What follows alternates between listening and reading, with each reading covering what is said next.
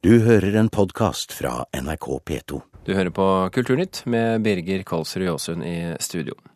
Det er fremdeles uklart hvem som har vunnet valget i Egypt, men uansett hvem som vinner, så sitter militæret med mye av makten fremdeles.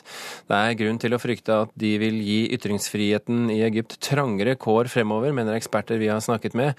Flere aktivister og bloggere er blitt arrestert i det siste, og militæret gjorde nylig en grunnlovsendring og ga seg selv retten til å fengsle sivile. Jon Nordensson, stipendiat eh, ved Universitetet i Oslo, og som skriver doktorgrad om internettets betydning for revolusjonen i Egypt. Eh, hvordan er situasjonen for ytringsfrihet i Egypt akkurat nå? Den er, eh, vil jeg si, ganske uavklart. Etter revolusjonen så ble på en måte alt endret. Veldig mye av selvsensuren forsvant, og folk begynte plutselig å diskutere på en politikk på en måte de ikke hadde gjort før. Samtidig så ser man at etter revolusjonen så har flere blitt arrestert eh, i forbindelse med ytringer på nettet eller i aviser eller på TV og for å ta del i demonstrasjoner, enn under Mubarak. Så det er eh, en kamp som pågår, vil jeg si, om retten til å ytre seg. Og søndag så kom altså militæret med denne endringen i eh, Grunnloven. Hva får den å si konkret for ytringsfriheten? Det skumleste kanskje direkte i forhold til ytringsfriheten er at militæret gir seg selv rett til å pågripe folk uten noen kjennelse fra en domstol. Eh, så det åpner jo for veldig tilfeldig bruk av lover mot folk de kanskje ser på som et problem. Tror du det vil ende med det? Eh, ja, det, det gjør det jo til en viss grad allerede, hadde nær sagt. Over 12 000 mennesker skal ha blitt arrestert siden, og holdt for militære domstoler siden revolusjonen i fjor. Så det er en praksis de, de allerede bedriver, men nå gir de seg selv rett, eller altså gir seg selv en slags legitimering for å gjøre det. Gunvor Meidel, professor i Midtøsten-studier ved Universitetet i Oslo. Du var nylig i Egypt. Eh, de du snakket med, hva er det de frykter? Det kommer jo an på hvem du snakker med. Eh, alle frykter en eh, økende kontroll, eller fryktet da en økende kontroll fra militærrådets side. Det var et av de viktigste kravene fra revolusjonen at de skulle oppheve de forhatte unntakslovene som har, i, som har fungert i 30 år og som eh, Mubarak først sa at han skulle oppheve, som han da ikke gjorde. De løp ut i 1. Eh, i år, og så ble de bare da, som vi akkurat hørte, det, fikk vi andre lover isteden. Eh, slik at de begrensningene i politiske ytringer har man jo fryktet kanskje aller først og fremst. Men det er tre ting du nevnte her i stad som man ikke skal snakke om, da? Ja, altså eh, Hvis det går på selve kulturlivet, eh, så det jo, har det vært tre tabuer i arabisk kultur, og det, i moderne arabisk kultur, og det har vært da sex og religion og politikk. Og Nå er jo dette konservative samfunn, så det er jo ikke noe underlig at det er eh, liksom, begrensning på hva som er akseptabelt å ytre seg i forhold til å beskrive av forhold til sex og religion. Skal komme tilbake til det. Men eh, under Mubarak-regimet så har det nok først og fremst vært de politiske eh, ytringene som har vært eh, sensurert bort, også i litteraturen. Jeg har et litt morsomt eksempel fra 2009, når det kom en sånn tegneserieroman som var en slags kriminalhistorie. Og jeg ble veldig overrasket, for jeg så plutselig at det var tegnet sånne samleiescener der. De lå nakne i, i sengen og sånn, tegnet. Og jeg tenkte dette må jo være grunn til sensur. Og det ble den. Den ble inndratt nesten omgående. Eh, men det viste at årsaken til at den var inndratt, var ikke at det var tegnet nakensex, men at en av skurkene hadde ansiktet til en av Mubaraks ministre. Ja, Man skal passe seg man, hvem man bøller med, rett og slett. Ja, så det var det politiske. Men så har du hatt det religiøse da, som har ligget der hele tiden. At det har vært veldig sterke spenninger mellom kan du si, religiøse konservative og de mer liberale og sekulære, og hvor de flesteparten av, av forfattere og akademikere hører til. Men, men, nå har det jo vært et slags vindu åpent etter eh, at Mubarak-regimet falt, eh, til det vi nå hører at eh, det kan, at det kan bli sterkere innstramminger. Vil det fremstå også som et vindu vindu eh, i tiden som kommer? At det var den tiden de hadde det, og ferdig med det?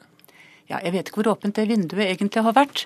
Altså, eh, det har jo uh, Folk har jo oppfattet det som en mulighet, i hvert fall? Ja, for ytrings, politisk ytringsfrihet, så ja. Men så kommer da Allerede så har vi hatt flere tilfeller av en religiøs sensur som bare har skjerpet seg. Eh, kan jo nevne en av de siste, som var mot en skuespiller som heter Adil Imam. Som er veldig populær komiker, og som har vært med i masse filmer. Han fikk da en dom mot seg ved en lokal domstol eh, på flere måneders fengsel og en stor bot for å ha medvirket i filmer som skuespiller og framstilt religiøse folk, sånne sjeikher, satt dem i et litt latterlig lys. Mm. Eh, dette var noe som vakte veldig sterke protester, men var også om, veldig omdiskutert. Uh, og dette var jo da altså fra religiøst hold. Uh, det var, og muslimbrødrene gikk, altså forsvarte dette, i motsetning da til andre liberale. Når den sånn nå etter valget, tror du at det blir ytterligere innstramninger på ytringsfriheten, og i så fall hvilke? Tror det kommer litt an på hva resultatet av valget blir. Eh, hvis eh, Mohammed Morsi, brorskapets kandidat, eh, vinner, så tror altså, jeg muslimske brorskapet? Ja, stemmer. Unnskyld.